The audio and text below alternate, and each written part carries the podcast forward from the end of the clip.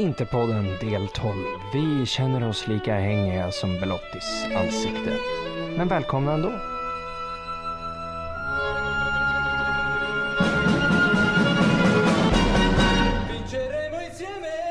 Jajamensan, det här är då del 12 av Interpodden direkt efter Torino-matchen som eh, gick som den gick. Våra engelska kollegor på The Interpod checkade dem hur bra som helst.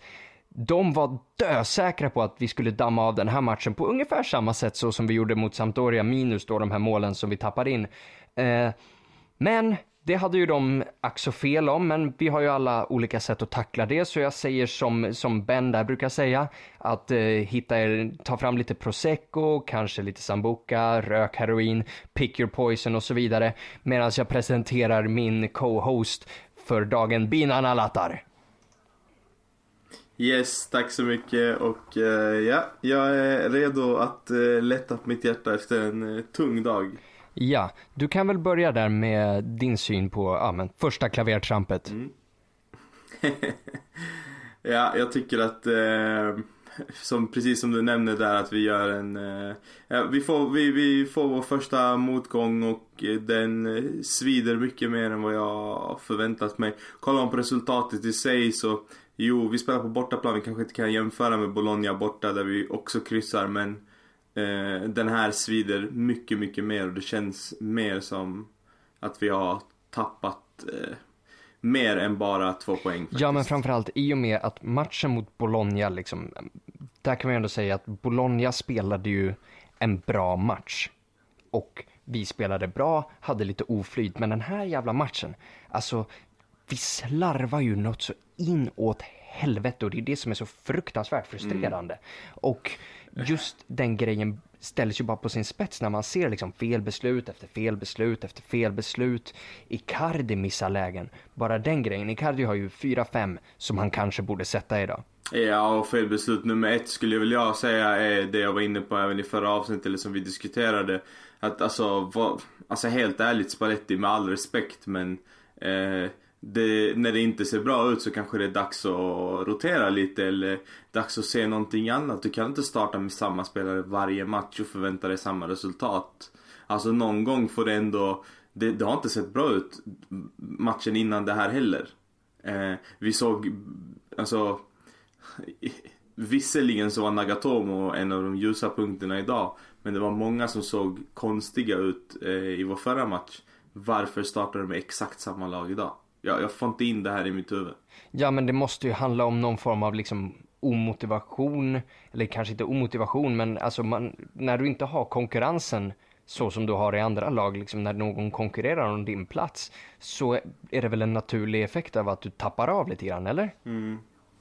Och, och, det är också det som eh, få mig att och liksom ifrågasätta Icardis insats eh, ännu mer idag. För att det här är ett motstånd som ska passa Icardi. Vi har sagt mycket, många gånger att han eh, mot de här min, lite mindre lagen som kanske mm, markerar honom med två spelare och, och eh, kanske fokuserar mycket på runt Icardi. Där har han svårt. Men det här är ju absolut inte ett sånt motstånd. Eh, Icardi missar tre eller fyra lägen som vi alla vet att det är bara Icardi som sätter. Vi har aldrig heller sett de här misstagen från Icardi. Eh, speciellt inte en sån här match när Kandreva verkligen sticker ut och slår inläggen helt perfekt flera gånger ja. om. Mm. Så att det... Ja, alltså jag skulle väl inte säga att Icardi bär någon direkt större skuld än någon annan i den här matchen. I och med att vi måste ju faktiskt acceptera att Icardi är människa också. Och, uh, men, men framförallt att även han... Ja, med all rätt även han kan missa och min poäng är att liksom, man behöver inte dra för stora växlar av det. Ja, yeah. alltså det är liksom en av, en av sakerna jag kan absolut hålla med om. Samtidigt, i och med att han också är människa eh, så bör, bör han inte glorifieras i just det här utan han ska lika mycket kritik som, ja men jag tar Perisic som exempel. Vad sysslar killen med? Hur trött ja, kan man vara? Mycket kladdande alltså. Mycket alltså, bollkladd. Är ja, det? Och, och framförallt, yeah. alltså, han är väl sliten alltså. Även de här situationerna. Eh, och det ska ju ges lite cred också att i och med att han ser så sliten ut så tar han ju fortfarande de här helt sinnessjuka löpningarna upp och ner mm. i banan och jag tror att vi vinner så otroligt mycket på det. Men det, det där kommer ju kosta lite grann av slutprodukten. Mm. Ja, alltså det, det är en nedåtgående trend för Perisic och, och, precis som du säger, han räddar oss mot eh, Hellas Verona och på exakt samma position där, där vi förväntar oss att eh, ja, tre eller fyra spelare bör kunna täcka upp och ta det här skottet. Nu är det Perisic som väljer att ta det. Så jag vet inte om jag ska ge insatsen till honom. Det är ett kanonmål, absolut, men eh, jag tycker att vem som helst som är på den positionen ska sätta den bollen. Ja, fast du vet ju att våra mittfältare hade ju aldrig gjort det alltså. Nej, precis. Nej, nej, alltså jag, menar att eh, eh, jag, jag, försöker mer få det att stå, framstå som att han gjorde ändå ingen supermatch, utan det var den när han liksom eh, sken upp och, och eh, det var avgörande för oss där och då. Eh, precis som D'Ambrosio någon gång under matchen gjorde en bra grej och sen ja, resten av de här 93 minuterna var han ju. Mm ja. absolut värdelös. Ja, jo, alltså det är ju ingen briljant insats från D'Ambrosio. Däremot så anser jag ju inte att han är liksom svagare än någon annan. Alltså, och det känns ju skit för mig att behöva säga alltså, där om Gagliardini, men han, han, gjorde ju, han var ju absolut sämst på planen idag. Eh, Borrell sa någonting bra där. Vi kollade på matchen på eh, Rish, så var ju Borrell där, så pratade vi lite om det med. För att Gagliardini var ju, alltså, precis som du säger, helt fantastiskt dålig. Eh, han är väldigt seg, han, alltså det grejen är, han gör brytningar eh, som, som är viktiga och, och men det spelar liksom ingen roll när du ändå inte kan passa bollen efter. Du stoppar upp speltempot. Du, alltså det här är saker som vi har tagit upp många gånger som Spalletti bör ha sett. Eh, är det någonstans vi skulle rotera så är det definitivt på hans position. Eh, för att spelet ska se annorlunda ut. Det är där, om man säger motorn eller spelet på något sätt eh, avgörs. Eh, så att det, men det, det Borrell var inne på var att, men, först var Gallardini väldigt, eh, han kom in och var väldigt bra i början, Inter. Sen var han väldigt dålig och nu är han inne på sin liksom, tredje fas. Det är nu. Antingen så bär det eller så brister det. Så att han är inne i fas 3 i Inter. Och det är nu liksom han ska blomma ut eller så blir det pannkaka. Eh, och frågar du mig så är det på väg åt fel håll tyvärr. Det, det, han, han känns dessutom, eh, alltså inte bara att han är seg, det känns som att han eh, på något sätt har tagit sin startplats med Ja, men han, han känner sig självklar på den positionen och det stör mig något enormt. Ja, jag vet inte om han ser sig som självklar, men och jag vill definitivt poängtera att även fast jag liksom kritiserar honom efter den här matchen så anser jag ju att han är långt ifrån den absolut den sämsta spelaren i våran trupp och jag tycker att han fyller ett viktigt syfte på mitten. Men det finns ju brister, till exempel otroligt långsam och jag gav honom cred efter Hellas Verona-matchen när han blev kritiserad för, för två bra grejer han gör. Att när de kommer i kontringslägen så stoppar han upp det och tvingar dem att lira bakåt. En mycket viktig grej som han faktiskt gör. Ja, och, men, men framförallt min poäng är att det går för långsamt och anledningen till det här är att den spelstilen han har, den fungerar inte. Alltså han kan inte vara den här den, han kan inte vara Kondogbias naturliga ersättare. För vi såg när Gallardini var som allra bäst och det var när han och Kondogbia var på mitten tillsammans. Du kommer ihåg den 7-1 matchen mot Atalanta?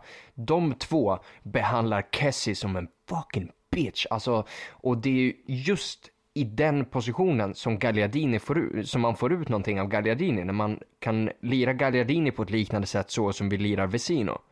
Så får man ut någonting av Gagliardini i och med hans rörlighet och hans positionsspel. Men när han då får ta den här mer sittande defensiva rollen, det är inte han som ska ha den. Alltså, och den enda anledningen till att han har den är för att vi inte har en sån spelare som kan ta den rollen. Och där är ju återigen, vi, vi har ju hyllat både Sabatini och Ausilio för det här fönstret på många plan i och med att man värvar in Skriniar för en billig peng. Man får in Valero som har visat sig bli döviktig för oss vi har fått in Vesino och så vidare. Men det finns ju fortfarande stora brister i den, eh, under det transferfönstret och det börjar ju, det börjar ju visa sig. Ja, och vi har ju sagt det här sen, eller i alla fall jag har pratat om det, att vi kommer gå igenom en, en period där saker och ting syns, alltså smekmånaden är över och så vidare. Eh, tyvärr så känns det, alltså nu pratar vi exakt som att vi har förlorat en match och förlorat den stort. Eh, men för mig känns det verkligen så.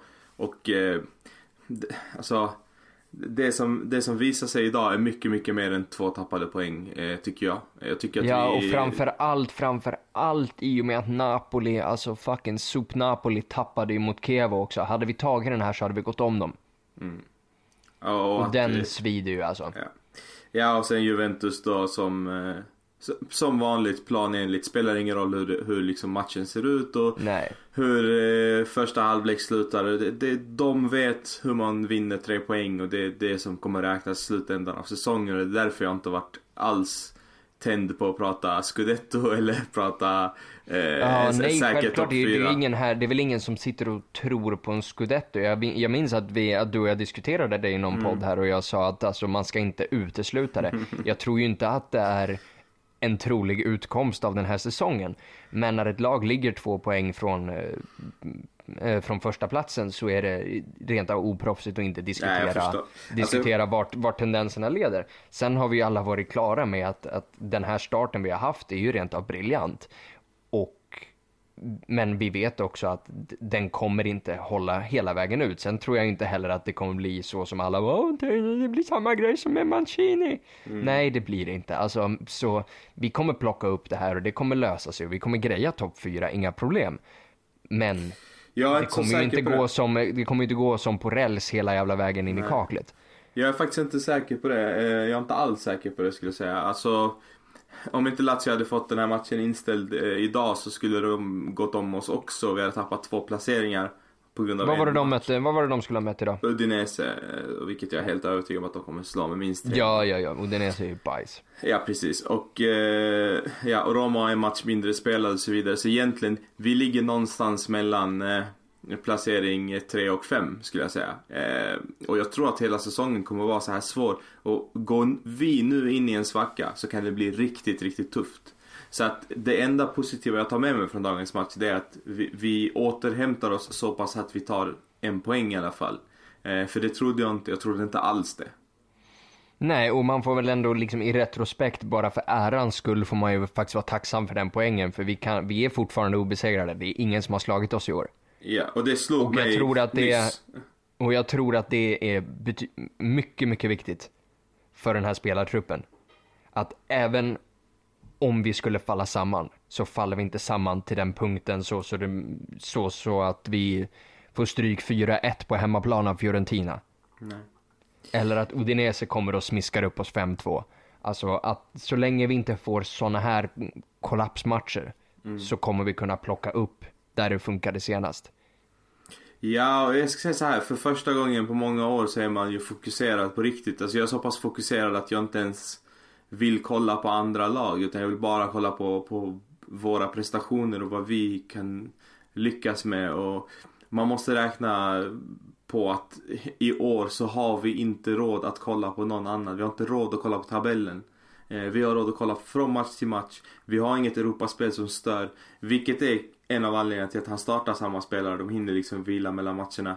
Men det ser inte bra ut Spalletti. Det gör inte det. Det ser bra ut på pappret. Det ser inte bra ut i verkligheten. Eh, Torino kommer till San Siro och får spela sitt spel. Vilket bör passa oss perfekt för att då kan vi spela vårt spel och så vidare. Eh, vi har sett väldigt bra ut i kontringar eh, under säsongen. Varför gör vi inte det idag? Eh, varför spelar vi med, alltså varför gör vi inga byten där, där det jag vet inte hur jag ska få fram det men Varför gör vi inga byten där vi ser en, en ändring som är taktiskt smart? Vilket spelet Spalletti har visat oss tidigare.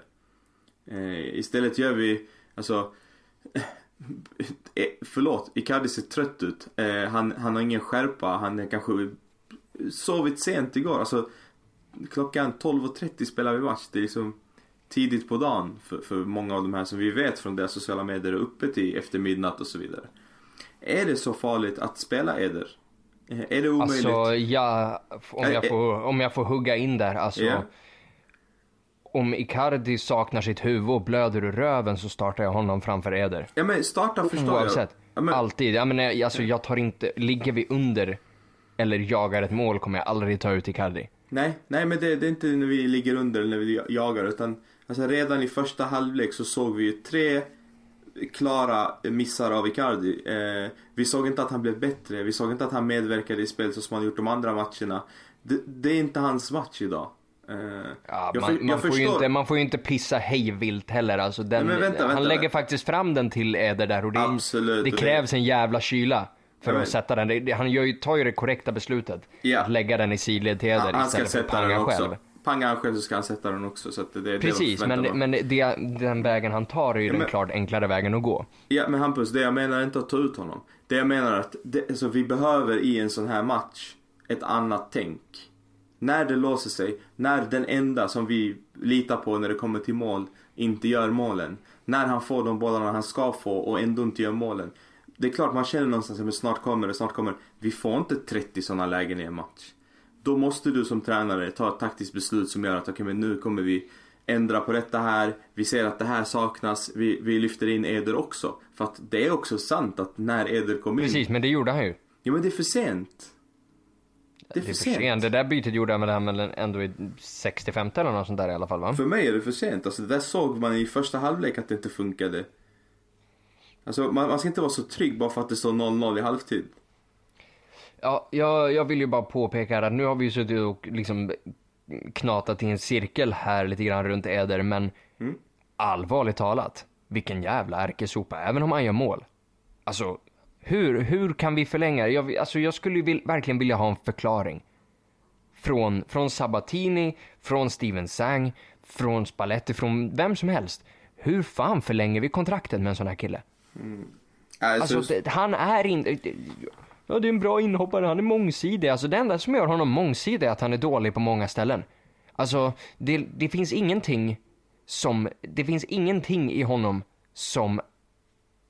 Som skulle kunna liknas vid interklass. I alla fall inte den interklass som vi strävar efter. Mm.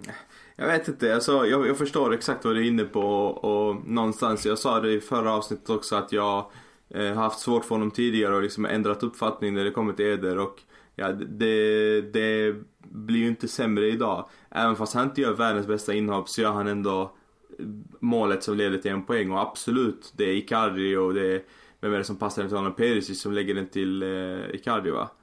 Eh, Så det, det är ett, ett, Ja, lag, ja, det är ett lagmål till 100% men jag tycker Ja, fortfarande men, inte... och, och det ska ju framförallt sägas att Eder har ju ett antal lägen när han tjongar upp den på Ja. tredje ring. Ja. och pangar inlägg åt helvete. Alltså, Mm. sorry, men han är inte bra nog. Det, det bara är så. Vi ska inte förlänga med sopor. Om, alltså vill Mm. man komma framåt, då kan man inte hålla på och ge Ranocchia två kontraktsförlängningar och Nagatomo två kontraktsförlängningar och Dambrosio två och Eder två och så vidare. Alltså, det håller inte. Alltså grejen är så här, Eder spelar på, eller han kan spela på flera olika positioner. Han kan spela bakom Icardi, han kan spela på eh, högerkanten, han kan spela på vänsterkanten, han kan spela på Icardis position. Han hade ett kontrakt till 2020, eh, det förlängs till 2021 för att han hade en pissig lön om man har förstått det rätt.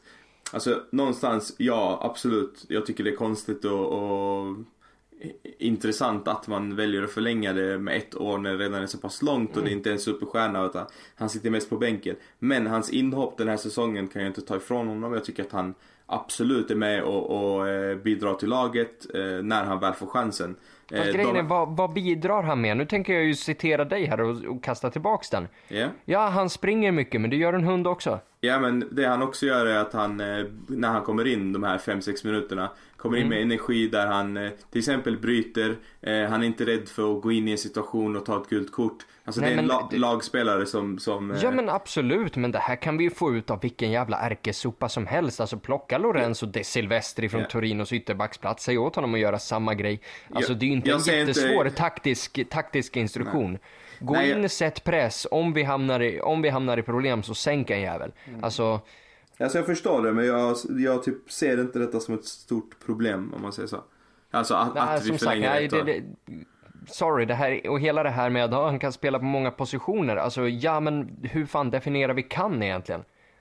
Mm. Alltså ja, men vi har ju säkert, vi har ju väl säkert någon kille som klipper gräset på Appiano som också kan spela på alla positioner. Jag kan Nej. också spela på alla positioner, men jag Nu- kommer göra nu- det asdåligt. Men han är fan inte mycket bättre alltså. Nu är vi tillbaka på att ge skit till spelare som faktiskt inte förtjänar det den här säsongen. Nej, grejen är alltså de, de gånger han, alltså. Han spelade 21 minuter. Och han gjorde ett ja. mål och han Alltså han tjongade bort kanske två skott. Eh, Icardi tjongade bort tio skott. Så jag vet inte. Mm. Nej alltså jag, jag är kritisk till, till eh, om vi nu ska snacka om någon som hoppade in. Alltså Marcelo Brozovic. Ja, ma- bro, också ärkesopa. Alltså. Förlänger vi med honom så då, då, då blir det kalas på San Siro och eh, det är inte ett roligt kalas. Nej, nej, nej, nej. Jag, jag är För förbannad fan. på honom. Alltså jag är mer irriterad på Brozovic än på resultatet typ. Jo men Brozovic, Brozovic, alltså vi kan ju snacka hur mycket som helst om att ja men det där är väl den mittfältaren vi kan lita på som kanske, kanske kan göra mål och så vidare. Den här killen är inte heller interklass. Alltså nu om vi ska, nu ska snacka mm. att låt oss säga att vi då tar, den, tar fjärdeplatsen och ska spela Champions League. Du kan inte komma till Champions League med Eder och med Brozovic. Alltså, alltså eh, det, det håller inte. Det, det är bara skämmigt alltså. Alltså jag, jag, tror det är viktigt att tänka på, eh, alltså vad är det vi har i truppen? För ha, ha, så här, har vi råd att förlora Eder i januarifönstret? Alltså bara, bara, inte utifrån dina känslor mot Eder, utan rent kolla på vår trupp. Och alltså vi har fyra anfallare, tre anfallare. Mm. Eh, varav en är en eh, Primavera-spelare. Primavera som inte ens satt på bänken idag utan han var på läktaren. Mm. Eh, Alltså, eh, det är jätteviktigt att förstå. Har vi inte råd, vi har ju såklart inte råd att banta truppen mer. Vi har ju, det, det vore ju rent av idiotiskt att påstå en sån grej. Jag säger ju inte att skicka ut honom och, liksom, och kasta skorna efter honom och sen är vi glada så. Alltså, om han liksom, men jag tycker inte att han håller nivån och då tycker jag att han ska lämna och då får vi ersätta. Mm, men det är här och nu. Alltså, jag tror att det handlar inte om... Eh, jag vet inte hur jag ska förklara. Jag tror att vi satte oss i en situation där det handlar om, han, han kan lämna i januari, han har säkert ett bud eller han, han har klagat och så vidare. Vem eh, pratar vi om nu? Eder eller jag snackar om, Nej jag snackar om Eder.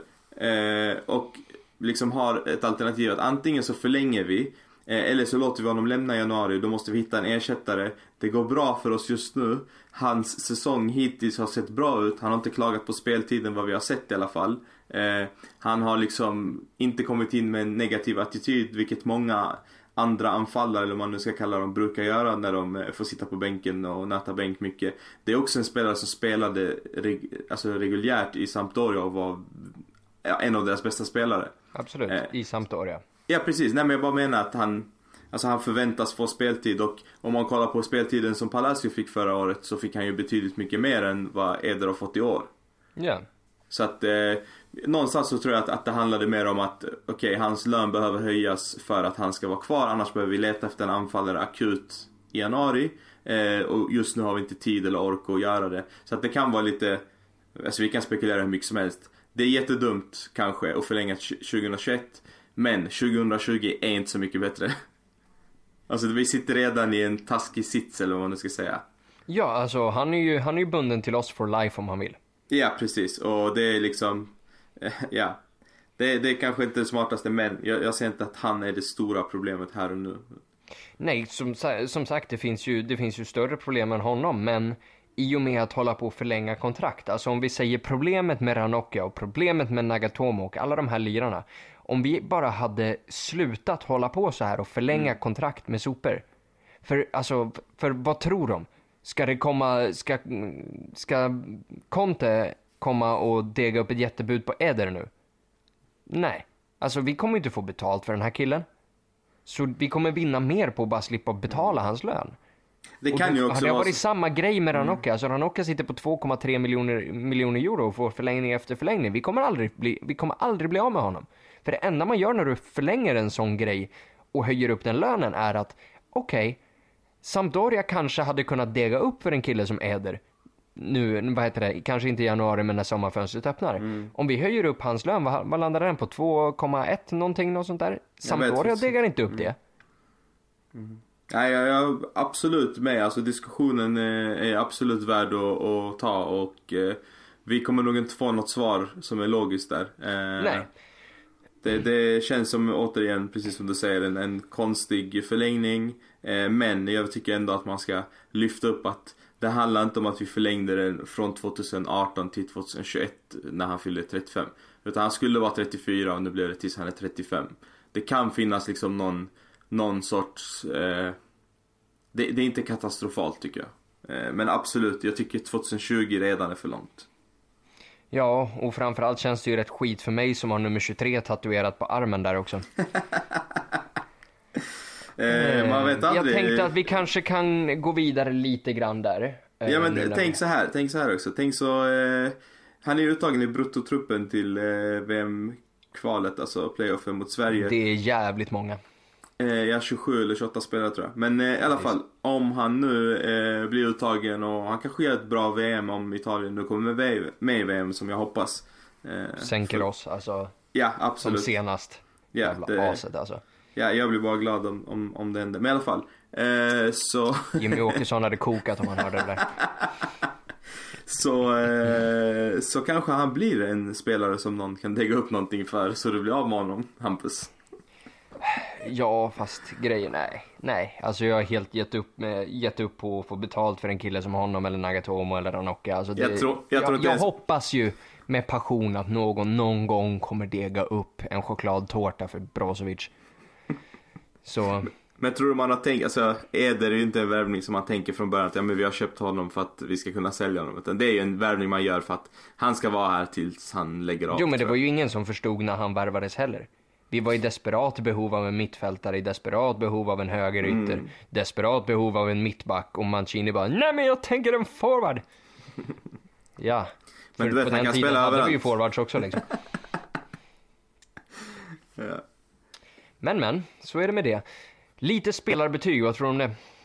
Eh, vi har inte fått eh, Gazetta, eller jag har inte sett dem i alla fall. Jag tror de kommer upp Imorgon. Ja, de kanske kommer imorgon ja. Ja, så att eh, jag kan uppdatera dem på sidan eh, när de kommer upp. Om jag kommer ihåg det. Jag brukar vara sämst på att säga saker här och sen så glömmer jag bort det.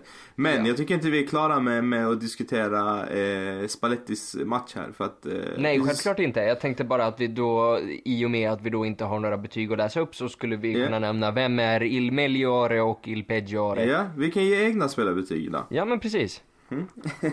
Ska vi börja vi kan ge båda två, jag säger namnet så får vi Sen kan vi förklara dem som vi tycker är intressanta.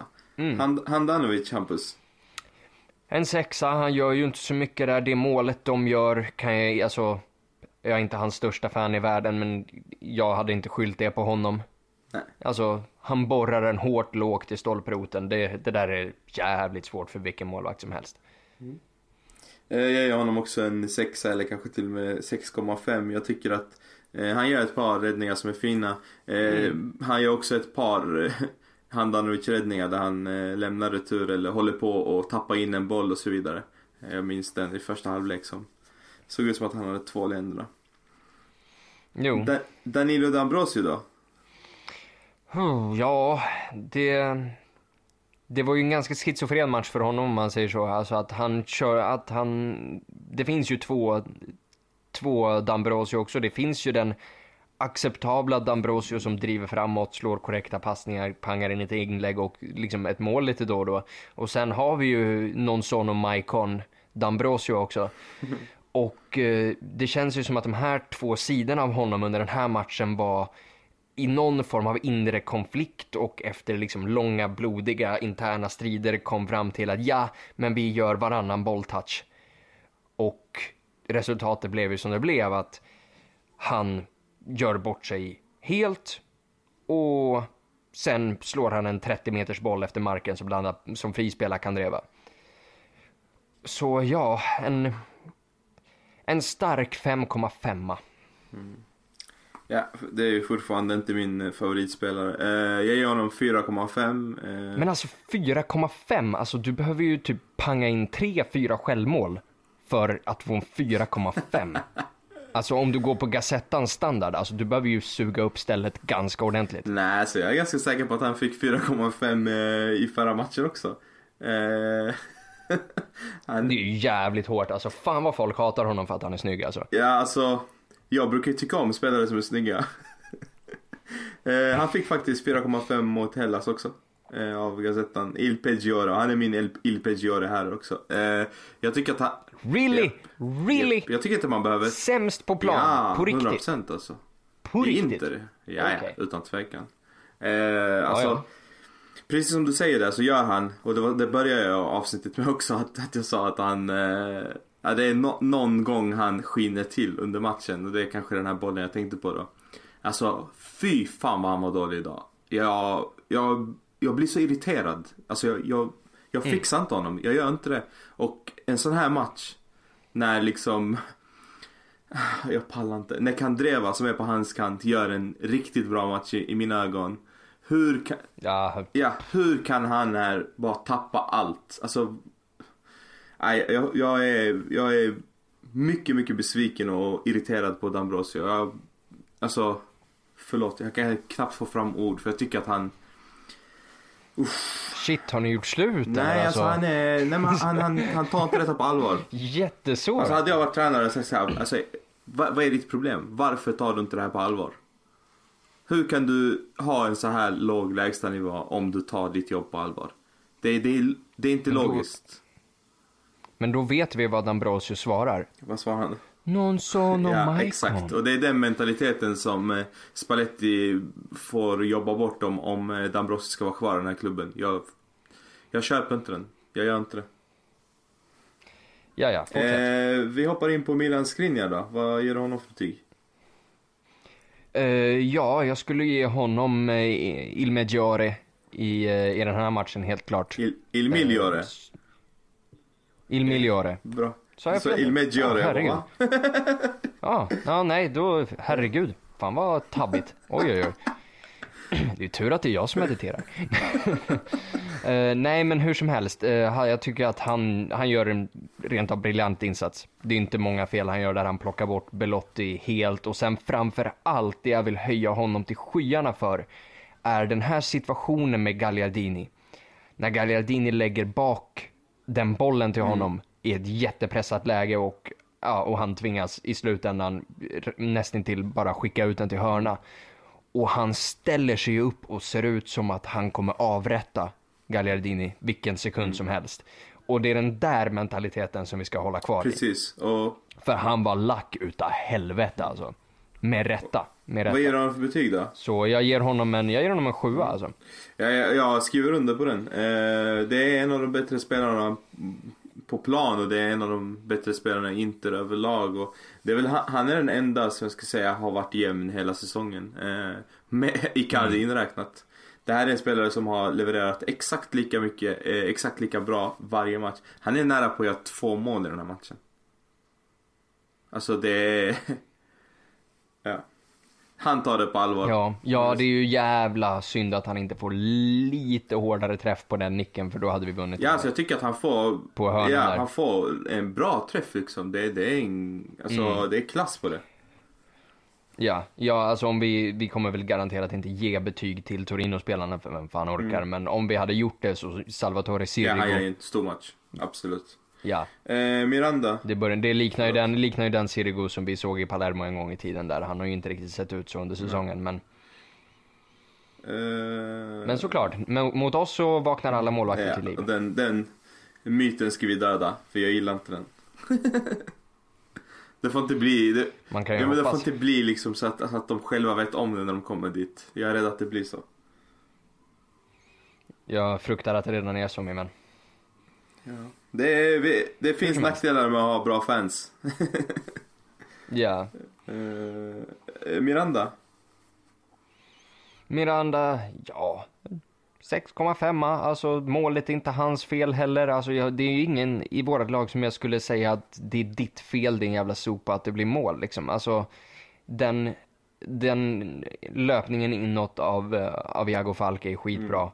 Avslutet är världsklass. Alltså vi har ändå fyra man på oss och han lyckas övervinna oss ändå. Det är inte mycket att tjafsa om. Så ingen skam för Miranda heller. 6,5. Mm. Uh, sexa som max skulle jag ge honom. Uh, och han får en... Jag, jag tycker inte att han uh, ser så pass...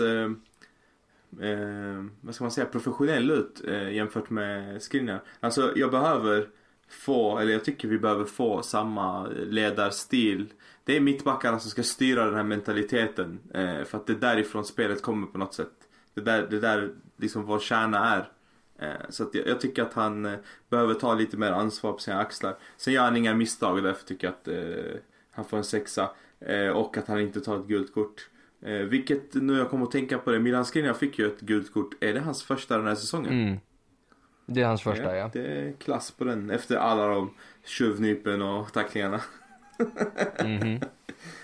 Eh, Vi hoppar in på vår favorit eh, Nagatomo som eh, jag i förra avsnittet sa att nu är han tillbaka och är Nagatomo igen. Vad Ja. ger du honom för betyg? Big time. Han är inte sämst plan, han gör inget av nytta. Femma, alltså Oj, det är väl okej. oj. Där har vi olika syn. Jag tycker han är... jag tycker typ det var synd att vi bytte ut honom för att han var bland de bästa på planen. Eh, han gör två eller tre inlägg med vänsterfoten perfekt adress. Jag tror Vesino brände något och... Han, alltså han gör, han gör en stor match. Sen i i defensiven så slarvar han. Eh, positionerar sig fel. Tar fel beslut två, tre gånger. Men eh, överlag tycker jag att han gör en jättebra match. Så att, eh, nu är det den här tvillingbrorsan Nagatomo som har spelat de första matcherna den här säsongen. Så inte han som spelar mot Verona utan hans tvilling som är bra. Det var han idag igen. Så 6,5 fan om. Ja, jag, den här Nagatomo-hypen, att då Nagatomo har varit bra, alltså Nagatomo har varit okej. Nej, han har varit bra. Nagatomo har inte förstört matcher. Jag håller inte med. Han Jag har håller- gjort. Låt oss kyla ner lite grann. Det är inte så att han har börjat panga in massa mål och assists och börjat Han- göra han- sin gubbe och slå korrekta bollar och skit liksom. Alltså det, han, han förstör Nej, inte. nu, nu tycker jag du är orättvis. För att idag så gör han minst två bollar som ska vara assist om våra eh, mittfältare kan skjuta in bollen i mål. Nej. Jo, det gör han. Jag lovar, det gör han. Och det är med vänster. Jag, jag tycker att Nagatomo som vanligt har fått för mycket skit men förra matchen var han usel. Den här var han bra. Eh, men vi släpper, vi släpper right. honom. Vi går vidare in på eh, Vesino. Vesino, ja, det var väl inte hans bästa match någonsin, men eh, det är en acceptabel insats. Vi kan ge en sexa där också då. 6,5 kanske. Eh, jag håller med, 6,5. Eh, jag gillar hans skott. Dock så gick det i ribban. Den där i Eh, ribban är ju, alltså jag grät typ när den där tog i Men ribban. jag tycker att han... eh, Han är 88 jävla ja, minuten precis. också. Jag tycker han rör sig fint, han är snabb. Mm. Alltså till skillnad från hans kompis på mittfältet där. Så är han här snabb Mm. och väldigt, väldigt, eh, vad ska man säga, pigg och han har, han har rätt inställning. Jag gillar det. Mm. Dock, om vi ska kritisera för Ica- Icardi för att bränna lägen, den nicken han har ska Ja, sitta. det, alltså det är, våra mittfältare kan inte eh, göra mål. Det, det är vårt Nej. main issue. Ja. Eh, Gagliardini. Gagliardini, här har vi ju Il Peggiore. Alltså, tyvärr. Jag tycker om honom jättemycket, jag tycker han är ascool, men skitdålig. Alltså den bollen han slår tillbaks till Skriniar, det är ju någon form av människorättsbrott. Be- Behövdes det 70 Alltså- minuter för att säga att han var så dålig? Ursäkta? Behövdes det 70 minuter för att säga att han var så här dålig? 70 minuter? Nej, nej absolut. Han har varit tvärkaff hela, hela matchen. Ja.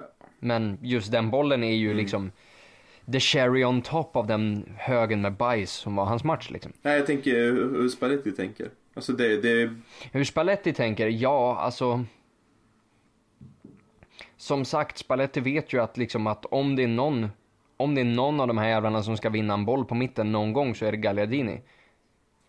Och han vet att han har inte en mittfältare som kommer vinna oss en boll. Så om man tar av Gagliardini då är det Miranda och, och Skriniar som ska plocka tillbaka dem där. Visst, Visino vinner någon enstaka, men kom igen. Alltså det här är in, han är inte Kanté den killen liksom. Och det är inte det han ska vara heller, det är inte vad jag förväntar mig.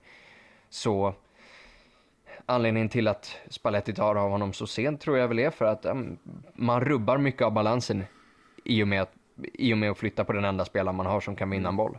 Men när den spelaren inte vinner bollarna och blir mer av en fara bakåt än vad han är en säkerhet, då är det bara att plocka av.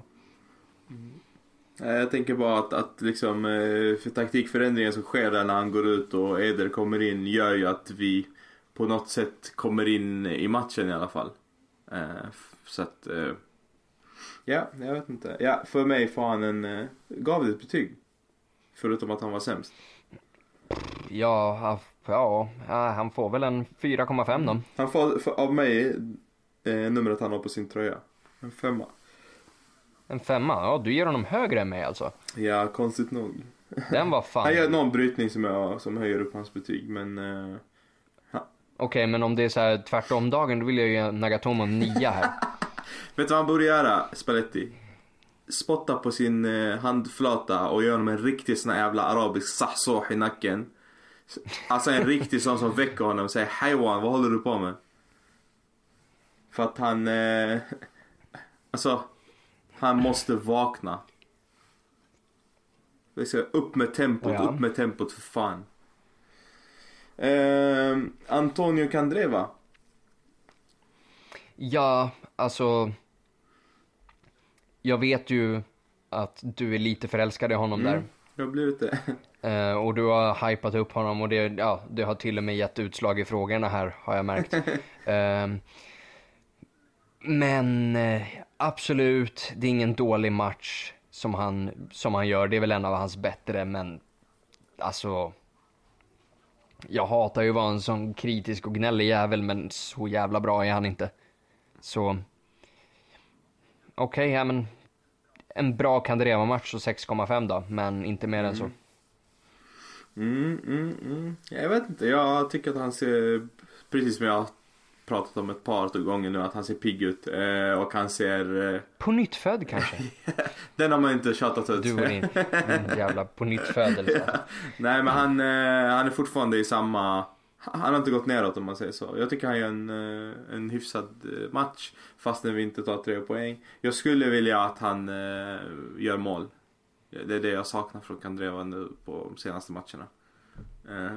Jag tror att han har det flytet just nu att han skulle kunna sätta bollarna. Det, det verkar gå Kandrevas väg det mesta. Så att eh, jag ger honom en sjua. Ja. Borja Valero. Lite. Valero oh, såg sliten ut idag alltså. Har sett sliten ut länge. Visst var han lite alltså, han anonym skulle för behöva vila match. Ja, Det är nästan lite. som att kommer ihåg Men honom. som sagt, även, även en anonym Valero är ju döviktig Mm. för oss. Så jag förstår ju att Spalletti spelar honom jämt, men han hade ju... Han hade ju inte dött av att vila match alltså. Så vi ger väl honom en 6,5 också. Ja, men frågan är om Spalletti hade dött av att vila Valero match. För det verkar, verkar vara så. Jag fattar liksom inte vad, varför han ska spela 90 minuter varje match. Ja, alltså i och med att Joao Mario ser så fantastiskt jävla dålig ut varje gång han kommer in så har man väl inte så mycket val och sett till det inhoppet som Brozovic gjorde nu så lär det väl inte bli mer, så lär det väl inte bli mer vila för eh, Valero direkt. Ja, jag vet inte. Jag vet inte vad, vad det är som... Ja, jag tycker han såg anonym ut idag. Eh, jag minns inte så mycket av honom, konstigt nog. Eh, så att eh, jag minns att han försökte kanske täcka ut, eh, täcka boll lite för mycket och så. Och det tycker jag tyder på att han, precis som du säger, ser trött ut. Eh, som att han... Ja, och han tar ju inte de här, alltså det såg vi ju nu också i början, alltså en pigg Valero springer mest på plan. Det gjorde han inte idag, vill jag Nej, lova. så att, Han stod där, vid tapp, liksom när de ställde om så hängde han kvar många gånger. Alltså, så nej men som sagt, alltså, som sagt jag, jag har inget problem med honom. Alltså, Nej, det nej. är en klassspelare. Han, behöver bara, han behöver bara få vila lite grann. ja, Alltså. precis. Men det, det verkar vara det som är problemet, att, att de inte vilar. Men eh, ja, 12.30 matcher, 12.30 matcher också, ska sägas. Mm, ingen ursäkt däremot på den här nivån. Hur som helst. Mm, ja, nej. Alltså det ska inte vara det men eh, det är rent logiskt grej. Det, det fanns svårt för oss som inte ens ska spela att, att hinna vara beredda på 12.30 eller? Det är en söndag för fan. Ja, ja, ja för fan. Jag ställde klockan Ja men det är det jag menar. Så att eh, någonstans, det, det ska inte vara en ursäkt men det kanske finns någonting i det. Men ja, det har inget med saken att göra. Eh, Skillnaden mellan dem och oss är att de är multimiljonärer för att göra just den Ja. grejen. Så ja, ja, men det är inte alltid de visar det. nej, tacka fan för det. Vad sa du då om Valero? Ha- Hade du ett betyg där? 6,5 gav vi honom. Eh, ja, jag vet Jag kan inte säga så mycket. Jag minns inte så mycket av honom faktiskt. Jag skulle säga sexa kanske. Inget speciellt. Eh, Ivan Perisic. Eh, lite överkladdig då och då, men de här löpningarna han tar, alltså det, det är ju så jävla viktigt för oss. Alltså, det är ju rent av bisarrt att se hur han ångar runt även när han ser trött och sliten ut så. Och han lägger ju faktiskt den här, den här perfekta bollen till Icardi som då blir det som blir målet så. Äh, jag vill ändå ge honom en, jag vill ändå ge honom en 6,5 också alltså. Mm. Eh, jag tycker som, som jag sa då att jag, han ser så pass seg ut och Alltså, jag tycker ändå att eh, man har olika förväntningar på olika spelare, det har vi varit inne på tidigare. Ja, ja. Eh, och jag har så pass höga förväntningar på Perisic, jag tycker inte att eh, han lever upp till dem eh, idag. Så att eh, jag skulle ge honom 5,5 faktiskt. Det, det är han Mm. som ska på något sätt, det är han och Icardi som ska vara de som man litar på i den här truppen. Och det känns inte som att han lever upp till det tyvärr. Det kommer tillbaka. Ja, vi, det vet hoppas att, vi vet att Kandreva har toppar och Perisic har svackor. Mm. Ja, det, jag, jag hoppas det. Icardi då? Capitano. Mm, alltså.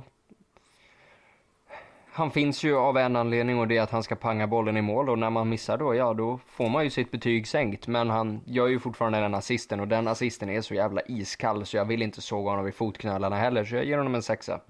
Ja, jag vill såga honom. Jag ger honom en femma. Jag, precis som vi ska såga målvakter när de inte gör bra räddningar så tycker jag vi ska såga Icardi när han... Vi, när, när när Icardi som kan spela inte når upp till sin egna potential som han har satt liksom.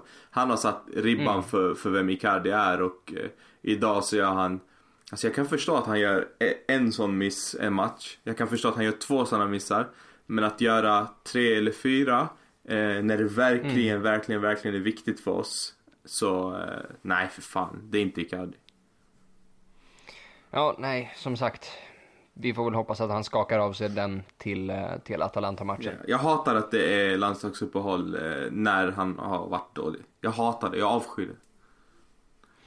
Mm. Jag hatar landslagsuppehåll Ja. alltid. Så fuck it, det är liksom, spelar inte så stor roll. Är det någon i... Eh, eller ja, vi kan ju ta inhopparna då, Eder. Du får ge ett betyg där. Ja, han gör ju mål så man får väl inte gnälla för mycket med en femma då. Mm. Jag- alltså, jag, tycker han, jag tycker han kladdar så inåt helvete, slår bort så mycket. Alltså, jag, jag tycker han håller in. Alltså, han är, han är Sampdoria. Ja, eh, jag ger honom 6,5. jag säger att vi, vi ändrar vårt spel när han kommer in till ett spel som... Alltså, vi kan säga att han kladdade mycket, han sköt mycket, men det betyder också att han var med mycket. Eh, samtidigt så gör han ett mål eh, och han försöker. De här skotten går åt helvete, men det finns någonting som gör att han eh, höjer oss till att vil, vilja vinna matchen. Eh, det tycker jag att han ska ha cred för. Så 6,5 får Eder av mig. Marcelo Brozovic får spela i 14 minuter, han ersätter Nagatomo. Mm. Ja, det enda han gör är ju att kladda boll och slå bort passningar, dra på sig frisparkar och slösar tid. Så jag ger honom en stark tvåa. Eh, Nej men alltså. nej men du fattar, du fattar min poäng. Alltså jag, jag kan inte betygsätta det där. Alltså. alltså jag reagerar inte ens på tvåan typ för att eh, ja, jag tycker att han förtjänar mig själv så. Alltså varför ska han få ett, ja, alltså, ja jag Om vi säger det enda, det enda som gör, som gör Gagliardini till den värsta och därmed Il Peggiore är ju Det är ju att han har längre tid på sig att Ja. suga än vad Brozovic Ja. har. Alltså det, Det är, det är nästan ett eh, Montari-inhopp.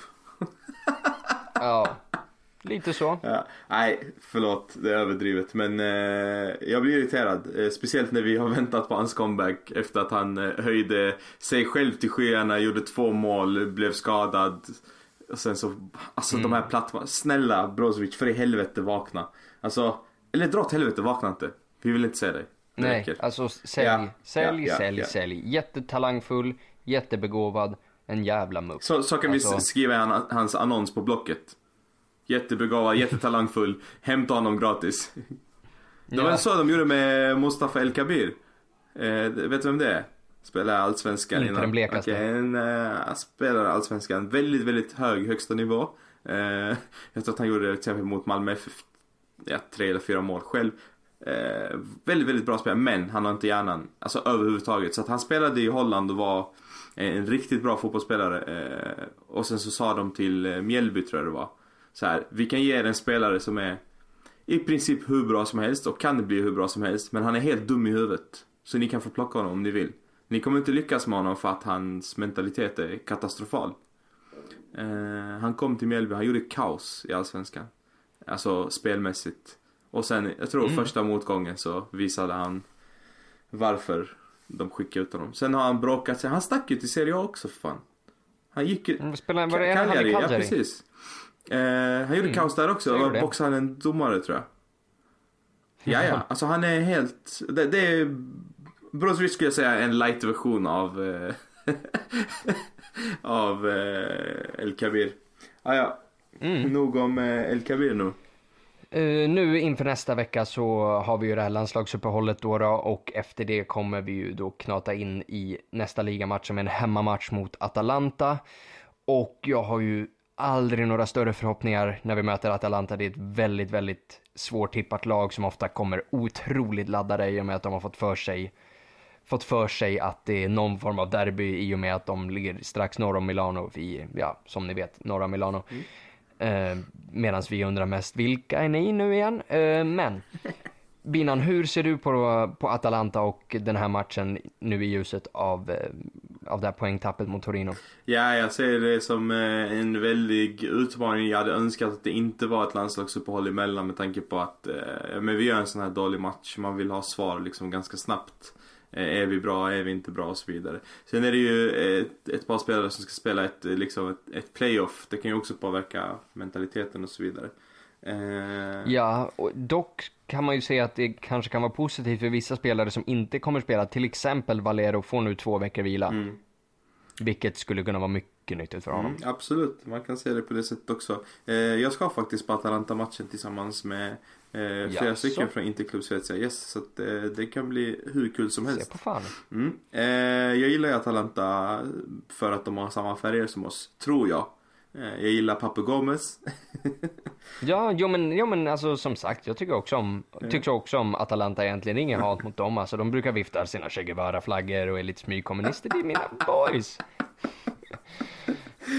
Så, så nej, nej, som sagt, vi, vi, vi, vi diggar ju dem såklart. Det, men vi diggar ju dem definitivt mer om vi slår dem. Ja, och det är ju... Och vi vet ju hur de här brukar, brukar briljera mot oss också. Framförallt även spelare som inte är, inte är så fantastiskt bra vanligtvis. Till exempel så har de en gammal, eh, en argentinare som inte är kvar längre. Han drog för, jag tror att det var i, under förra säsongen, ja, alltså sommaren förra säsongen som han lämnade Maxi Morales.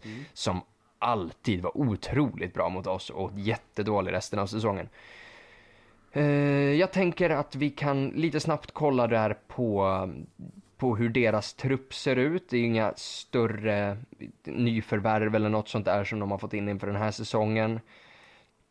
Eh, Kessie har ju lämnat, Gagliardini gick till oss, Spinazzola som är på lån från Juve är kvar, Petagna är kvar, så det är en ganska standard trupp. Eh, till den här matchen då så saknar de eh, Dramé, deras senegalesiska vänsterback som är, som är skadad. Och även Remo Freuler som då blev utvisad idag i 1-1 matchen mot Spall. Och det, det är väl ändå trevligt att möta ett Atalanta som precis har tappat poäng hemma mot Spall, eller? Absolut, så kan man se det och eh, samtidigt så gör ju de samma sak som eh, vi gjorde mot eh, Torino idag. Alltså de eh, ligger under på hemmaplan och ändå får med sig en poäng. De kunde ju torskat den här matchen. Eh, så att, eh, vet inte. Det, Ja, fast det gör de ju inte. De gör ju faktiskt första målet där och sen är det ju Spall som, som räddar upp det. Ska vi testa en gång till? Nej, ska Ja, förlåt. Det är jag som är helt ute och cyklar. Såklart var det så, tvärtom. Eh, Jajamän. det var bara att jag försökte jämföra. Men det ska bli kul att se Etrit Berisha. Eh, jag sa ju för något avsnitt sen här att eh, Handanovic och Etrit Berisha är ungefär lika bra. Får vi se om jag får äta upp det. Eh, Det hoppas jag ju innerligt att du får. ja, jag med. Men säkert så har du väl jinxat det åt andra hållet så Berisha kommer spela en jävla dundermatch och Handanovic kommer röva in en boll i egen kassa eller något sånt där. Alltså bara, bara för att. Ja, det finns ju också en eh, sak som är superrolig om vi slår Atalanta, vilket jag... Så här, min förväntan är absolut att vi ska slakta Atalanta. Eh, och eh, det som är liksom en extra bonus är det att vi får slakta Gasperini. Ja, ja, ja. ja. Alltså Gasperini, det, det, det är ju lite ironiskt på ett sätt för vi som, vi som Inter alltså har ju släppt det där för länge sedan. Men han, fan alltså, han verkar fortfarande vara jätteledsen. Alltså hela tiden, varenda chans han får i media och snacka om oss bara Ja, ja jag fick aldrig det stödet jag ville ha inte. Man bara mannen, det var typ 2011. Och hur många veckor var det? Tre? Ja, alltså och låt oss vara ärliga här. Oavsett om du får stödet och spelarna du vill, du fick fortfarande i röven av Novara mm. på hemmaplan. Alltså oavsett oavsett, alltså Benitez fick inte Dyrkaito, Mancini fick inte eh, Jaya Toure senast. Ingen av dem fick i arslet 3-0 mm. av Novara. Så allvarligt, det där är ju bara pinsamt. Alltså, gud. Ett Novara med Agon Mehmeti till och med tror jag. Om han nu satt på bänken eller vad Ja, ja. Who the fuck, who the fuck. Äh, det är Malmö-referenser som vanligt vet du. Ja, men herregud. eh, nej, så att eh, om jag ska tippa matchen där så tror jag, precis som jag trodde inför den här matchen, att, eh, att vi vinner med uddamålet. Eh, jag hoppas att jag har rätt den här gången. Mhm. Vilka, ja då, det där var ju lite abstrakt, alltså har du blivit advokat nu också eller säg ett rakt resultat om målskyttar. Man, jag tror vi vinner med uddamålet. Nej jag tror vi vinner med 2-1. Eh, jag tror att Kandreva gör ett mål. Jag kommer säga det varje vecka att säga mål. Eh, jag tror att Icardi gör ett mål och jag tror att Alejandro Gomez eller Papu Gomez eh, hänger dit eller skruvar in en utanför straffområdet. Tyvärr. Mm. Ja, nej jag är inte lika bombsäker där. Jag tror väl på en 1-1 match där också tyvärr. Uh, och Andrea Petagna lär väl nicka in en i någon duell med någon. Säkert. och sen, ja men Brozovic kanske. Ja. I och med att han var så... Han ska inte spela. Sluta. Löjligt dålig senast. Nej, så han, kanske han pangar in det. Han ska inte spela. Punkt. Det hoppas inte jag heller. Nej. Men Men jag tror på det i alla fall. Okej, okay, och eh, då kan vi ju faktiskt hoppa in på hur ska vi starta mot... Eh, om vi förutsätter att ingen skadar sig.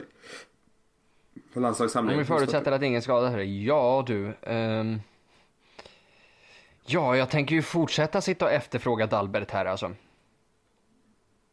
Mm. Men i övrigt så är det väl inga större förändringar jag vill göra där alltså för och det är väl inte att jag är så här jätte, jätteförälskad i de killarna som lirar. Alltså, om, om vi säger så här, hade jag kunnat bänka Gagliardini efter de här två matcherna, även fast jag gillar honom, så hade jag gjort det. Men, vad fan ska vi ta in då? Ja, ja, alltså jag, jag bänkar Gagliardini. Jag gör det. Eh, jag vill ha in För... Joao Mario. Men, nej. Alltså, alltså det, det går Alltså nej. han är, han, nej. Ja, alltså, Sorry. Alltså jag hade flyttat bak eh, Valero och eh, ja, spelat honom eh, Vesino och sen så kört Joao Mario den här matchen. Jag vill att han, alltså Joao Mario har, har mycket, mycket mer och han har saker att bevisa och, och jag har svårt att tro att, att han är tappad. Så att eh, den här matchen ska han starta och eh, gör han det bra så ska vi ge honom fler chanser. Gör han det lika dåligt som han har gjort de senaste inhoppen Alltså det här usla inhoppen. Mm. Eh, då är det bara, sätt honom på bänken, i januari så ska han bort. Och ja, du vet att ja. jag inte har varit för det men det, det, är upp till bevis, vi behöver honom. Mm, ja, alltså som sagt, jag, jag har ju varit den som argumenterat för ja, att han, han, bör säljas. Men om han skulle göra den här svängen och börja spela bra, då mm. liksom, jag, jag är inte den som vill att folk ska säljas bara för sakens skull. Nej. Så så självklart, okej, okay, ge honom en chans då. Men eh, om vi säger ett lag som Atalanta som spelar sin trebackslinje, mycket folk på mittfältet. Jag vill ändå ha Gagliardini och Vesino där som, som kan sätta in en tackling om så krävs. Mm. För jag är lite orolig att lämna hela det, hela det arbetet åt Vesino själv, för Valero Valero, Valero bidrar inte med, med att vinna de duellerna så som, så som Gagliardini gör. Täcker inte upp lika mycket yta. Så jag tror att i den här matchen så kommer det definitivt bli, bli väldigt viktigt. Mm. Ja, alltså någonstans så, jag förstår vad du menar men jag, jag i och med att de fick den här, det här röda kortet idag på, vad han nu heter, Leo Freil, Freud, ja, Freud. Freud eller någon så eh, kommer de behöva ändra på mittfältet och så vidare. Så att, nej, jag tycker ändå att, att eh, kvaliteten på spelarna vi har i vår trupp jämfört med deras, det ska funka. Eh, om, även om det är liksom Valero och Vesino där. Sen är eh, Valero också en jävel på att spela den positionen. Så att, jag, jag tycker att eh, jag tycker att Joao Mario ska spela, definitivt. Då kommer vi få se en förändring också. Vi behöver en eh, förändring just nu. Det här, det här, eh, liksom. Vi kan inte ge det här ett försök till. Jag, jag störde mig innan matchen, jag skickade det till och med på WhatsApp till er. Eh, alltså vad håller han på? Varför samma elva igen? Ja, alltså. Vi har en trupp på 23-24 spelare. Varför ska vi spela med samma elva när det inte har sett bra ut?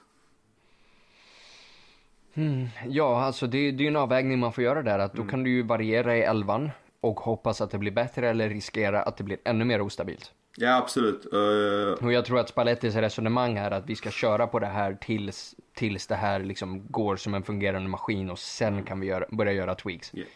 Ja, jag förstår det. Eh, men det har liksom inte fungerat som en maskin de senaste matcherna. Så därför Nej, så... precis. Och då tror jag att han, det är just därför jag tror att han vill etablera det här, det här laget innan, innan han börjar rotera och börjar göra, börja dra till med chansningar. Det är inte riktigt hans metod. Mm. Nej, jag, jag s- säger inte det som chansning liksom att, att, eh, att ändra på det. Jag tycker tvärtom att det är alltså, bra för dynamiken att, att det inte ser likadant ut på mittfältet i varje match. Eh, om jag drar, ja just det, jag tippade mitt resultat där. Eh, vad som kan vara väldigt viktigt att nämna inför den här matchen är att det här är ju en jävligt speciell omgång. Så tre poäng här är fantastiskt viktigt när man tittar till vad alla andra möter. Juventus har Sampdoria borta. Det är ju inte någon, det ska ju Juventus damma av om de är värda sitt salt, som man säger. Eh, men Sampdoria har satt, har satt andra lag i problem, oss inte minst, även om vi vann. Eh, s- men också samma omgång så är det Romderby där Roma möter Lazio.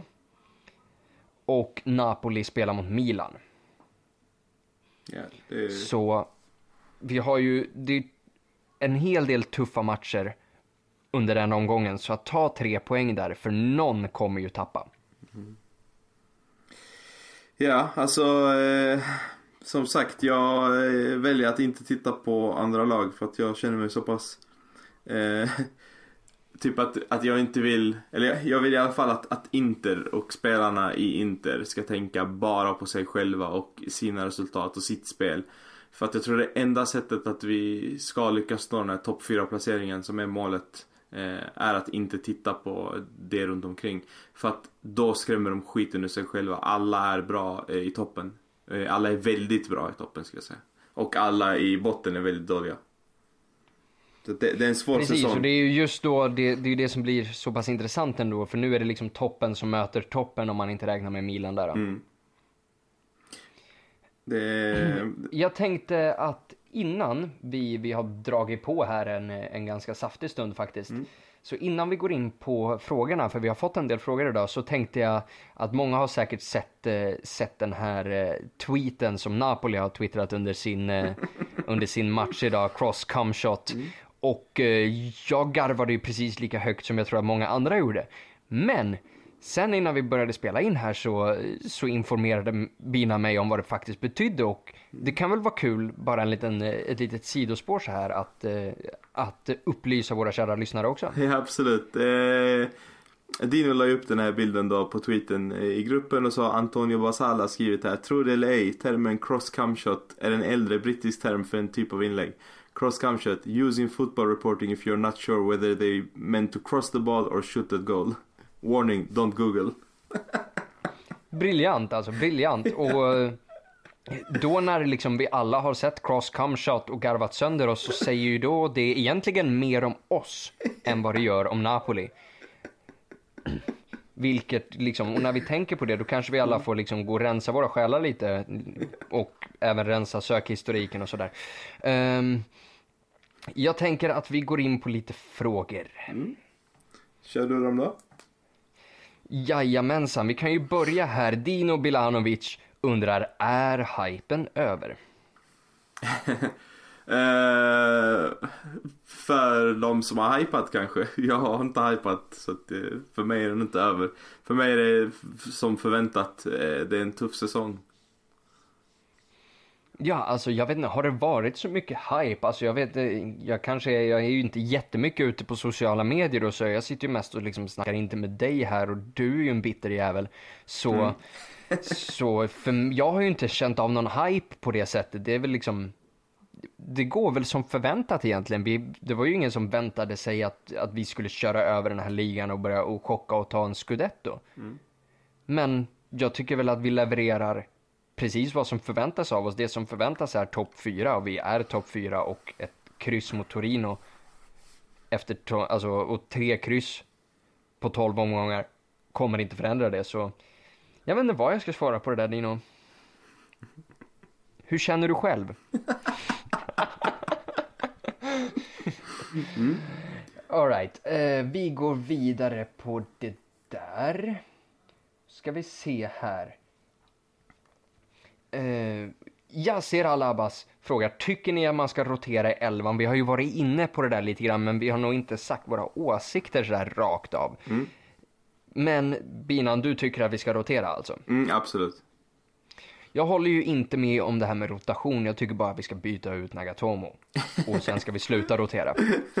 För tro mig, alltså den killen, han har, han har skickat mig genom så mycket lidande Mm. Genom så mycket smärta och tårar så det kommer att krävas mer än att han chansprickar något jävla inlägg en gång varannan match alltså, för att jag ska börja acceptera honom. Hampus, fortsätter du hata på Nagatomo utan anledning just nu så kommer det bli en rotation och då kommer det vara Miranda som sätts på bänken och så kommer Ranocchia in. Så tänk på vad du önskar dig. Det är väl inte det jag önskar men jag var väldigt tydlig med vad jag önskar mig. Jag vill ha Dalbert. Vi har sprättat 25 mille på, ja, en, menar, på en ytterback. Dags att, dags att köra nu liksom. På grund av att du önskar dig detta så kommer detta ske. Så att, tänk på vad du önskar dig. Så du ska vara nöjd med Nagatomo nu för annars kommer Ranocchia också. Då. Nej, jag sitter ju mest när man läser de här Mercato-ryktena om att vi kollar på den här japanen från Hamburg, eller vad är det? Ito tror jag att han heter. Mm. Och jag, alltså, jag är så posttraumatiskt skadad efter Nagatomo så jag fruktar ju bara de där två tillsammans på samma kant. The Sushi Expressway där på våran, på våran vänstersida liksom. Och, och Gabigol på högerkanten. Gabi, Gabi, skola om Dalbert till högerback så kör vi Gabigol och eh, Dalbert på högersidan. Åh oh, herregud. Det blir vi, blir alltså, säkert bäst i Serie jag vill, ju, jag, jag vill ju absolut inte placera Dalbert i samma fack eller samma art som Gabigol överhuvudtaget. Liksom. Alltså Gabigol är, alltså folk säger åh han är en talang, han är ingen talang, han är inte en fotbollsspelare, han börjar, det är fan på gränsen till människa här nu också alltså. Och där, där kan vi egentligen koppla tillbaks till det vi sa i början här av avsnittet att liksom, ah, men om vi då säljer av Eder, vad ska vi göra då egentligen? Jo, men Gabigol kommer ju tillbaks i januari, binan. För fan, det är lugnt. Ja. Nu vänder det. Ja, helt klart. Det kan faktiskt vända. Eh, det kan vända till vår, inte till vår fördel då. Det kan gå neråt och det har jag varnat för hela tiden. Eh. Fattar, fattar någon man skulle göra det? Mm. Sälja av Eder, plocka hem Gabigol och Icardi skadar sig. Mm. Det då kan vi ta bort Majstati in B från mottot. Ja, mm. troligen ja. Eller så får vi lita på Skriniar till att göra målen. Eh, Oliver Bonacorso frågar, vad tycker ni om Inters 3-5-2 med Perisic och Kandreva på kanterna? Vi får bort ytterbackarna som är vår svaga länk. Jag vet inte Oliver om du har tänkt igenom det här riktigt, för vi har två mittbackar.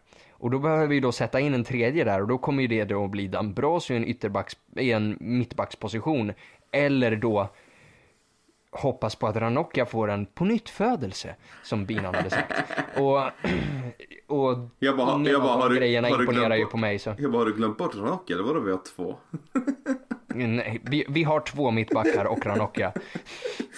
uh, Yeah. Så jag är ju absolut inte för någon 3-5-2. Jag tycker definitivt inte att vi ska börja pilla och fiffla och göra om skit nu. Alltså vi är obesegrade på 12 matcher. Mm. Ja, jag, jag, vi, har piskat, vi har piskat upp Roma borta, vi har piskat upp Milan, vi har kryssat mot Napoli.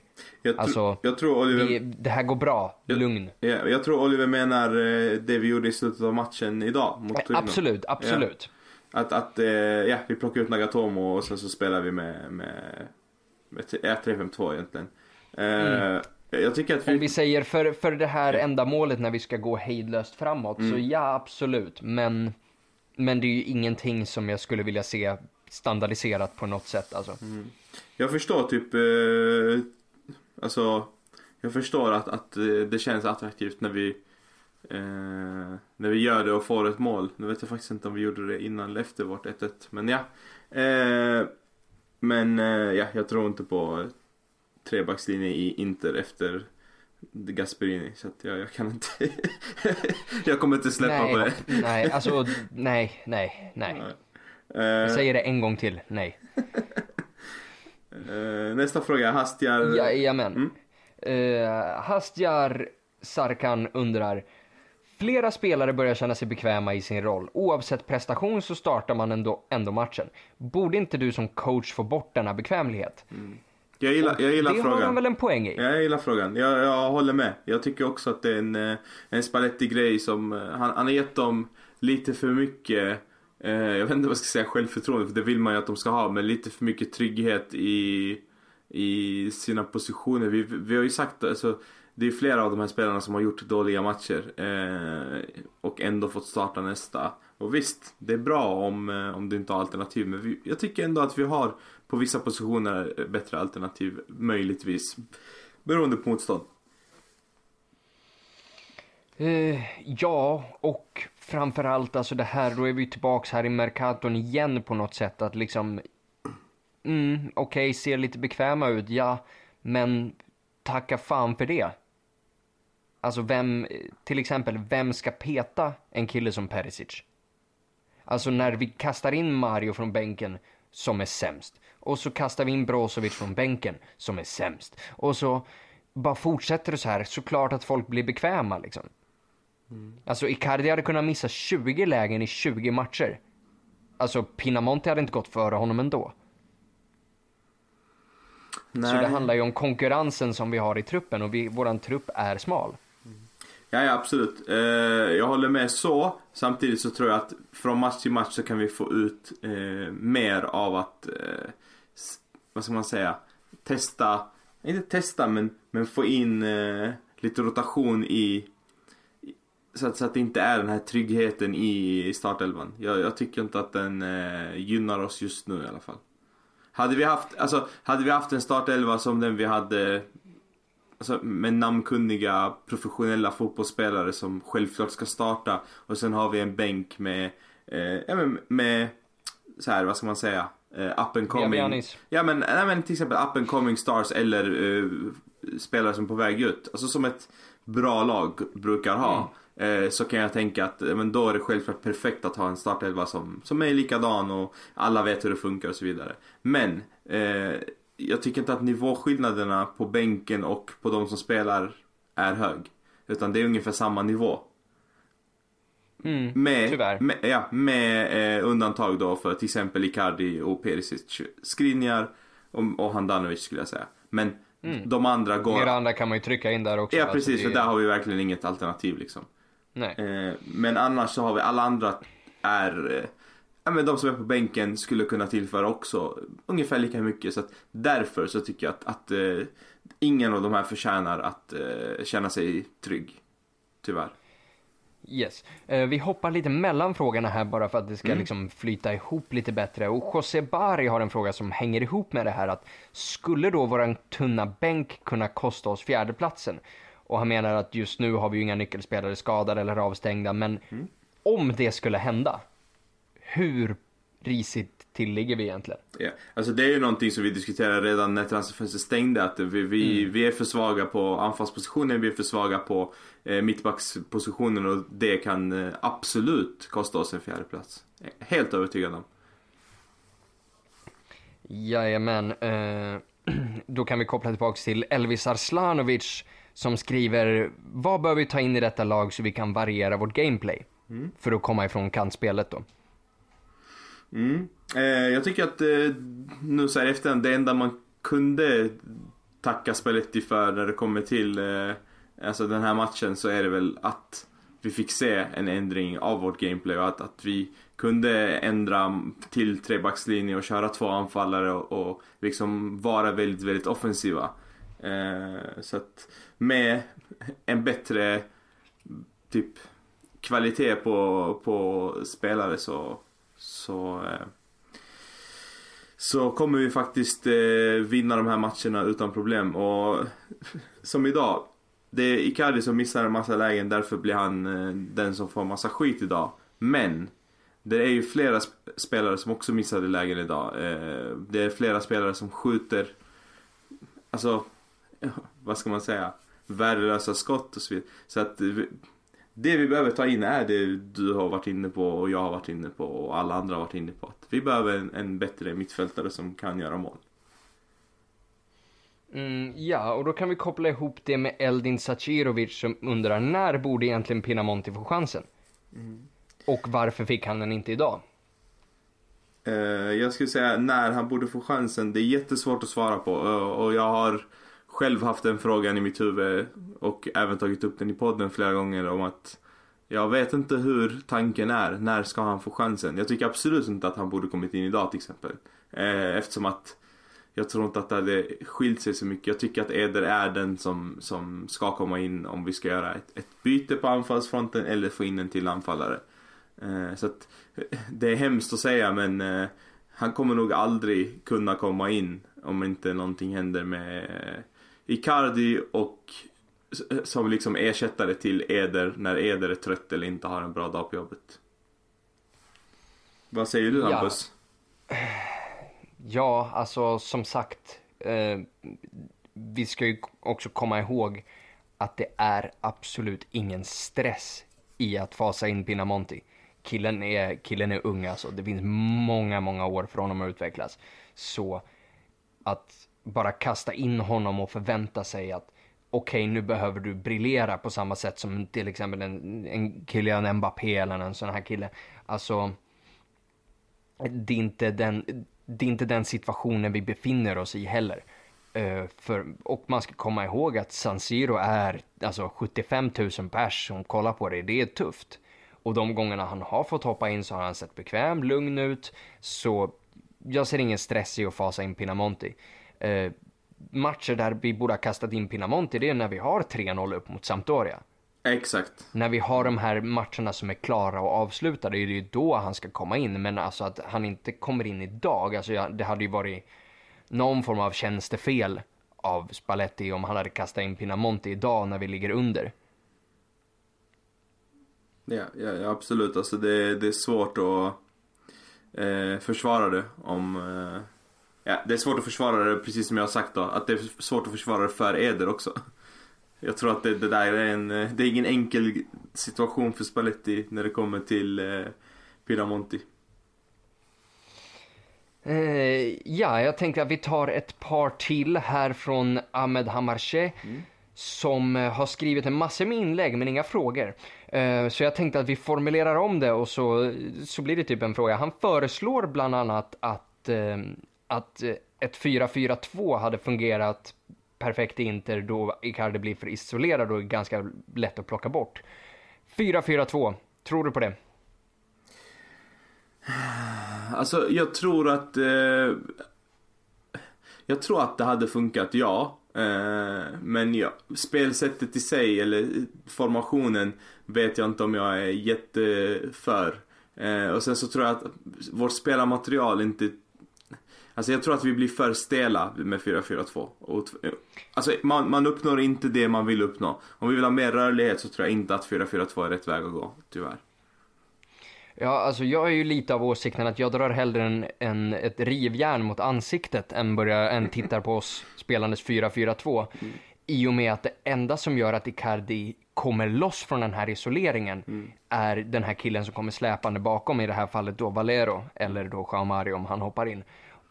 Men skulle vi spela en 4-4-2 så blir vi nästan ännu mer bundna av antingen kanterna eller att de två mittfältarna vi har klarar av att göra det här box-to-box-spelet, vilket Vesino klarar av i viss mån och Gagliardini gör det inte, för det är inte den typen av spelare. Så då skulle vi istället hamna med ett gigantiskt hål mellan mittfältet och anfallet. Och då tror jag bara att Icardi blir ännu mer isolerad tillsammans med en annan stackars jävel. Mm. Vem nu det skulle vara. Mm. Uh, Ahmed säger också, jag förstår inte varför Dalbert Karamo och Karamo inte får spela. Hur ska man bevisa att man är redo? Om man inte liksom får någon tid Mm. på planen liksom. Eh, jag vet inte, jag har ju också Vi var ju inne på liknande ja. grejer inför Sampdoria, eller efter Sampdoria-matchen där också. Ja, alltså jag, jag förstår liksom inte varför Karamo fick visa sig i en kvart och göra det väldigt bra för att sen inte få visa sig mer. Det är den, det är Nej, den den, där är svår. Ja, det är den som gör att jag liksom inte, inte riktigt förstår vad som har hänt där. Eh, och sen när det kommer till Dalbert, alltså det han har visat, för han fick ändå ett par matcher från start väl? Eh, två, tre stycken tror jag. Och Ja, Eh, och han, eh, alltså han har ändå fått en chans skulle jag säga. Han har ju fått mer tid än vad Gabigol fick under en hel säsong i Inter. Eh, men den, den kan jag förstå för att där har vi faktiskt, alltså Nagatomo har varit eh, stabilare än vad Dalbert har varit de få matcherna han har fått. Eh, Karamo, alltså ska han spela på höger ytterposition när Kandreva är så pass bra som han är just nu så finns det ändå ingen anledning att få in honom. Men vid en ledning och precis som vi pratade om efter Sampdoria-matchen också. När vi leder med 3-0, alltså matchen ska vara avgjord från vår sida. Så tycker jag att det, jag tycker att det är fel av spelet att inte ta in honom i en sån match.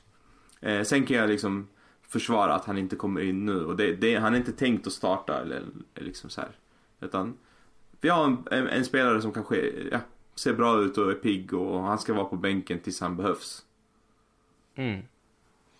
Ja, alltså som sagt, Karamo är den här, eh, är den svåra frågan där.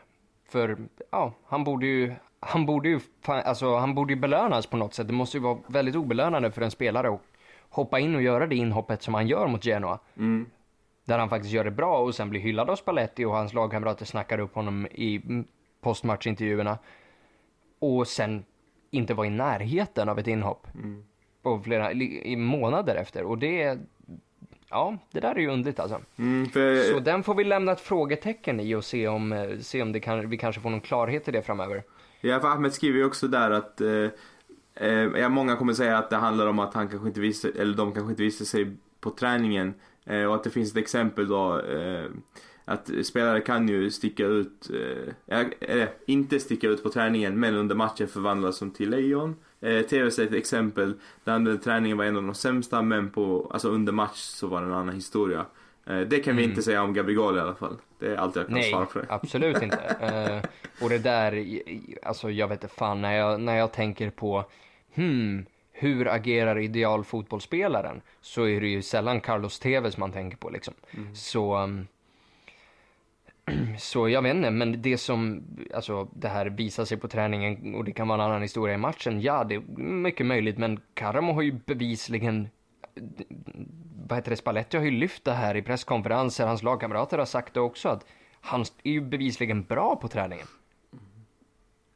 Och när han hoppar in så, så ser det också jäkligt lovande ut. Alltså vi får tänka att det vi såg där när han började peta bollar runt, förrundade shit och liksom hade fan ett långskott som, som var nära ändå. Det, det där är liksom hans första 15 minuter i Serie A. Mm. Det, det man också måste ta där för att eh, vi alla tyckte att han gjorde ett väldigt bra inhopp. Man vet aldrig alltså. Det kan också varit de 15 minuterna som han var väldigt, väldigt bra. För att, alltså man kan komma ihåg de här senaste åren så har vi haft, eh, uff, vad hette han då? Eh, Gnokuri. Han såg också väldigt bra ut när han hoppade in eh, i de första matcherna. Ah, fast alltså. Fast när han väl fick Nokori chansen. såg acceptabel ut. Nu, nu är vi tillbaka i det här, vad är bra och vad är liksom Nej men, men, förväntat. jag Karamo var ju över förväntan. Men- har ju aldrig imponerat över Jo. någons förväntningar. Jo, alltså hans första inhopp så påminner det väldigt mycket om det här inhoppet som Karamo För han stack verkligen ut då. Jag kommer ihåg hur han sprang eh, och liksom började nästan dribbla och, och gå igenom människor. Det såg ut som att han gick igenom dem. Eh, och det kändes här, att han inte var rädd. Det var en ung spelare, han kom in liksom eh, och ändå tog för sig. Eh, precis som Karamo gjorde. Men absolut, Karamo visade mycket mer tekniska kvaliteter. Så det är inte Ja. samma typ av spelare. Men jag menar bara på eh, att det finns likheter i hur han tog sig an eh, det här inhoppet. Som ändå är en, en debut i, i Serie A. Mm. Så att det, det är det jag menar att man vet aldrig, alltså var är Gnokori nu liksom? Okej nu har han kanske, det, det är hem, hemskt att säga så men Det var ju lite hjärtproblem och Ja han har hjärtproblem liksom, det är inte det jag menar. Men jag menar att jag tror ändå inte, när han väl fick chansen så var han ju inte särskilt bra. Nej. Nej. Så att eh, vi kanske inte ska slå på stora trummor och säga att Karamo är superspelare som borde Absolut spela. Absolut inte, det, det, tror jag inte det är någon som gör heller. Jag tror mest att, liksom, att när man får se det där att vi, vi fick se en snabb yttermittfältare. Ja, precis. Bara den grejen. Ja. ja jag tror, jag tror det var ett tag sedan liksom. Lyxproblemet är att, att Kandreva är väldigt bra just nu. Mm, möjligt så. Uh, men trots det så hoppas vi väl båda två på att få se lite mer av Karamo ganska snart. Absolut, helt klart. Och uh, vi hoppas också på att få se mer av er lyssnare snart. Men uh, för idag så är det dags att avrunda och vi hörs igen efter landslagsuppehållet och efter Atalanta-matchen. Yes. Forza Inter! Forza Inter, tack så mycket!